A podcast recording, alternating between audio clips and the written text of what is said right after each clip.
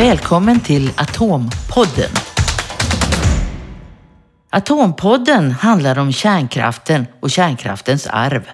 Från drift till slutförvar av det använda kärnbränslet. Det handlar om ansvar i tusentals år. Jag heter Katarina Malmer. När de svenska reaktorerna skulle laddas pågick diskussioner om hur avfallet en dag skulle tas om hand. Avgörande var den så kallade flerbarriärsprincipen. Det vill säga att avfallet skulle ligga bakom flera barriärer för att hållas borta från livet på jorden i årtusenden. Politikerna överlät ansvaret till kraftbolagen själva och krävde att de skulle lösa problemet. Och idag gäller det som kallas KBS 3 som har tagits fram av kärnkraftsproducenternas gemensamma bolag SKB. Det är först en kopparkapsel, sen ett lager bentonit som är en slags lera och den yttersta barriären är själva berget. 500 meter ner i urberget ska förvaret ligga. Men många menar att det måste längre ner än så i så kallade djupa borrhål långt ifrån biosfären där också grundvattnet är ett annat. Professor Karl Inge Åhäll är berggrundsgeolog. Han har studerat vad som händer i berget på olika djup och han har lång erfarenhet av forskningen kring säkerhetsfrågan. Sen 80-talet så har jag också följt det svenska kärnavfallsprogrammet och deltagit i en massa remissgranskningar och sånt där.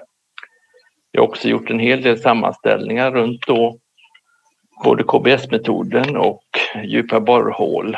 Det har varit dels åt Naturskyddsföreningen men även åt Kärnavfallsrådet. Och där har det varit då att klarlägga förutsättningarna för ett svenskt slutförvar i djupa borrhål som alternativ då till KBS-metoden. Ja, från början då, det är väl eh, snart 40 år sedan, så inriktade man det svenska kärnavfallsprogrammet då och grundtanken var då att man skulle kapsla in avfallet och att avfallet sen skulle placeras på ungefär 500 meters djup i eh, svenskt urberg. Och att man landade i 500 meter nivån det var att man ansåg att det var lagom långt borta från eh, markytan men inte då så djupt så att man kom ner i den undre grundvattensfären. Utan man skulle lägga ungefär mitt i det vi då kallar eh, den övre grundvattensfären. Och det som var bra i det är ju då att man har god kontroll ska säga, på den själva deponeringen för att på de nivåerna så kunde man använda ska säga, normal gruvbrytningsteknik. Alltså att man bryter tunnlar och schakt och sen kan man då köra ner då, eh, kapslarna och placera dem. Och den, fan, där behövdes ju ingen då ny teknik. Utan det som var besvärligt och svårt och fortfarande är besvärligt och svårt det är ju då att hitta en tillräckligt säker inkapsling på Eh, kärnavfallet. Och det beror då på att förutsättningarna i den övre grundvattensfären är inte ideala för förvaring av någonting och inte heller då kärnavfall. Och det beror då på att i den översta kilometern, alltså i den övre grundvattensfären, så har man ett rörligt grundvatten och det gör då att om något läcker ut så kommer det ofelbart då att transporteras vidare via grundvattenrörelserna för att så småningom då nå biosfären. Och där har vi skulle säga, problemet i ett nötskal. Man måste kunna då kapsla in avfallet så att ingenting kan läcka ut under de här århundratusenden som det måste hållas borta från biosfären. Och det är inte särskilt lätt då men nu har ju då ehm, SKB, alltså Svensk kärnbränslehantering, bestämt sig för eh, att kapsla in i koppar. Är inte det något som skulle kunna funka då? Jo, koppar är rätt tänkt. Men dessvärre då så finns det en massa processer, olika korrosionsprocesser och nedbrytning som gör då att det under vissa omständigheter då inte klarar sig så länge som behövs redan när det här då drogs igång så såg man ju då att eftersom det här grundvattnet runt omkring då kan transportera även radioaktiva material om det då läcker ut så skulle det då finnas vissa säkerhetsnivåer. Och det innebär att myndigheten redan i början på 1980-talet la fast då det som blev den styrande säkerhetsprincipen och det var den så kallade flerbarriärsprincipen.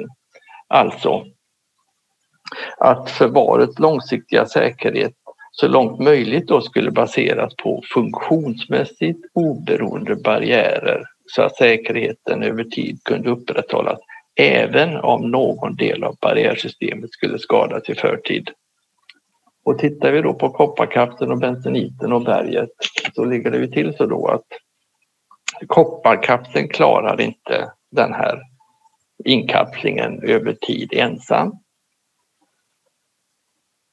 Det innebär då att kopparkapseln i sig är då ingen funktionsmässigt oberoende barriär utan den förutsätter då att bentoniten som då ska omge kapseln ska skydda eh, kopparkapseln.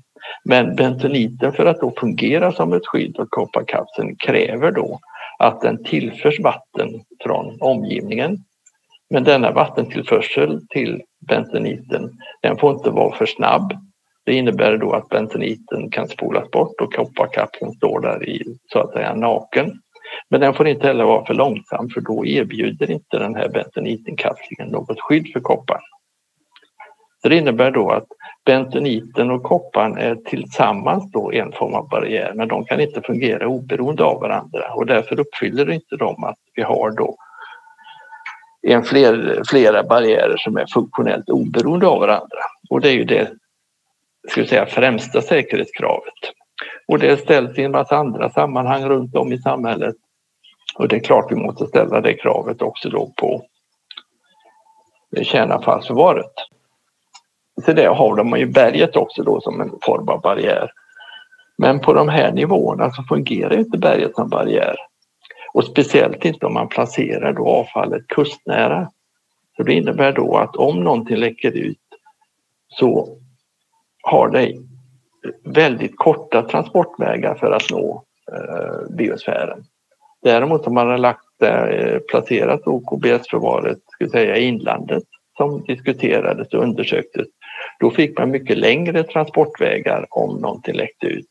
Och då fick man en naturlig utspädning för det, tog, det var långa transportvägar och Dessutom fick man en fördröjning på det och därtill så kunde man då hoppas på att en del skulle fastna då i sprickorna i berget och inte nå biosfären. Men här misslyckades ju kärnkraftsbolagen med att hitta någon kommun som var intresserad av det här.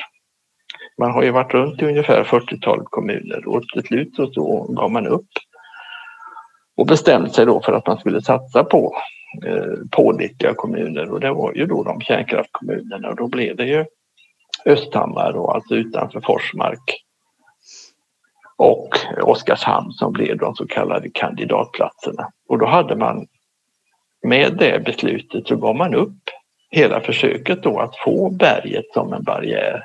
Men då får jag fråga dig, eh, hur djupt måste man gå för att uppnå de här fördelarna? Ja, om kravet är att vi ska deponera avfallet via tunnlar och schakt så är 500 meters nivån ett bra val. Men då kan vi inte få den här eh, uppfylla kraven på flerbarriärsprincipen om att vi ska ha funktionellt oberoende barriärer. Och från början på 80-talet då när man drog igång den här eh, forskningen och arbetet så var det inget problem för det fanns inget alternativ. Inget realistiskt alternativ. Utan därför jobbar man vidare på det här. Utan det var först när vi kom in på mitten av 90-talet som vi fick fram ska säga, väsentlig ny information. Och det var då från den nedre grundvattensfären med det här mycket tyngre grundvattnet. För det visade sig när man tittar på vad som fanns där nere på en 2-3 kilometers djup så gjorde man isotopmätningar som då klargjorde att det här grundvattnet på de här nivåerna inte hade varit i kontakt med biosfären på årmiljoner. Och då helt plötsligt så öppnade sig då ett alternativ till KBS-metoden som hade förutsättningar då att uppfylla alla kraven. Däremot så fanns ju det inte en färdig teknik då för att deponera på de här enorma djupen. Men har man idag eh, teknik för det här? Har man utvecklat någon te teknik? För att eh, på 500 meter, precis som du beskrev, eh, så är det eh, i princip vanlig gruvbrytning. Men den, den eh, längre ner, finns det teknik för det idag? Ja, man kan i och för sig göra gruvor och gångar ner dit men det är så oerhört mycket mer eh, dyrt än att använda dagens borrteknik som innebär att man kan borra då ner till de här djupen med befintlig teknik som oljebolagen har utvecklat. De har eh, till exempel borrat eh, till 6 kilometers djup och eh, för vissa oljekällor i havet utanför Brasilien och i Mexikanska golfen och sådär. Men finns det något annat land som har kommit längre med den här metoden? Nej, och där är ju en internationell skandal. Och där kan ju vi i Sverige faktiskt sträcka på oss. Vi är ju egentligen det enda land som har gjort ordentliga undersökningar för att hitta en eh, hantering då av eh, det utbrända kärnbränslet, alltså kärn, ja, det långsiktiga kärnavfallet. Så Sverige har varit ett föregångsland i det. Och så länge det inte fanns ett alternativ och något bättre alternativ än KBS-metoden, alltså lägga det på ungefär 500 meters nivån i den övre grundvattensfären, så var vi så att säga bäst i klassen. Men är du totalt eh, uppgiven när det gäller det här eller tror, hoppas du på att det ska kunna ta en, bli en ny vända? Ja, som människa är det ju lätt och jag menar särskilt om man har barn och barnbarn så vill man ju tro att det ska gå att hitta vettiga lösningar på alla problem. Och KBS-metoden är inte en vettig lösning eftersom den inte uppfyller då ens de villkor som ställdes redan på 1980-talet av våra svenska myndigheter. Och när det då inte finns skäl att frångå de, metod, de kraven och när det då finns möjligheter att hitta en bättre avfallslösning än KBS-metoden så finns det ju ingen anledning att ge upp. Men det krävs ju faktiskt då någon form av ansvarstagande från regeringar det finns då förhoppningar och bedömningar att vi, har idag, att vi idag har tillgång till ett bättre slutförvaring än KBS-förvaret och det är djupa borrhål. Idag finns ingenting som talar emot det. Vi vet att förutsättningarna är mycket bättre. Det finns teknik inom räckhåll och det ser, verkar inte enligt de kostnadsbedömningar man har gjort i USA och Kanada och Japan och även i England att det skulle bli dyrare än KBS-metoden. Jag kan se att det finns risker med djupa borrhål. Men det däremot är det klart, åtminstone som jag ser det då, att den metoden har bättre förutsättningar att klara de ställda kraven. Men sen måste ju samhället då faktiskt inte börja tumma på säkerhetskraven igen och vi hamnar i en ny sån här KBS-diskussion. Och det går ytterligare 40 år innan vi får fram en vettig metod. Men sköter man det här ordentligt och det inte dyker upp några överraskningar så ser ju djupa borrel ut att vara en möjlig hantering då som uppfyller kraven. Och dessutom finns det en sak till som talar för det. Att djupa borrhål har ju också förutsättningar att lösa ett annat problem. Och det är ju att vi runt om i världen har en massa atomsopor från vapenindustrin, alltså kärnvapen. Och de eftersom kärnvapen hela tiden behöver moderniseras så finns det även en massa kärnvapenmaterial och där har vi då en massa ohyggliga saker, plutonium som ingår och så vidare och även det behöver vi få bort då från dåliga lagringar som finns lite runt om i världen. Framförallt då i Ryssland och USA. Men även i de andra då kärnvapenstaterna. Även det materialet behöver vi få bort från landytan. Och här erbjuder ju då djupa borrhål också en möjlighet att vi blir av med det. Så att i den bästa av världar så kan jag ju se då att FN tar ansvar för det här och då ser till att vi även då blir av med eh, kärnvapen, det plutoniumhaltiga kärnvapenmaterialet.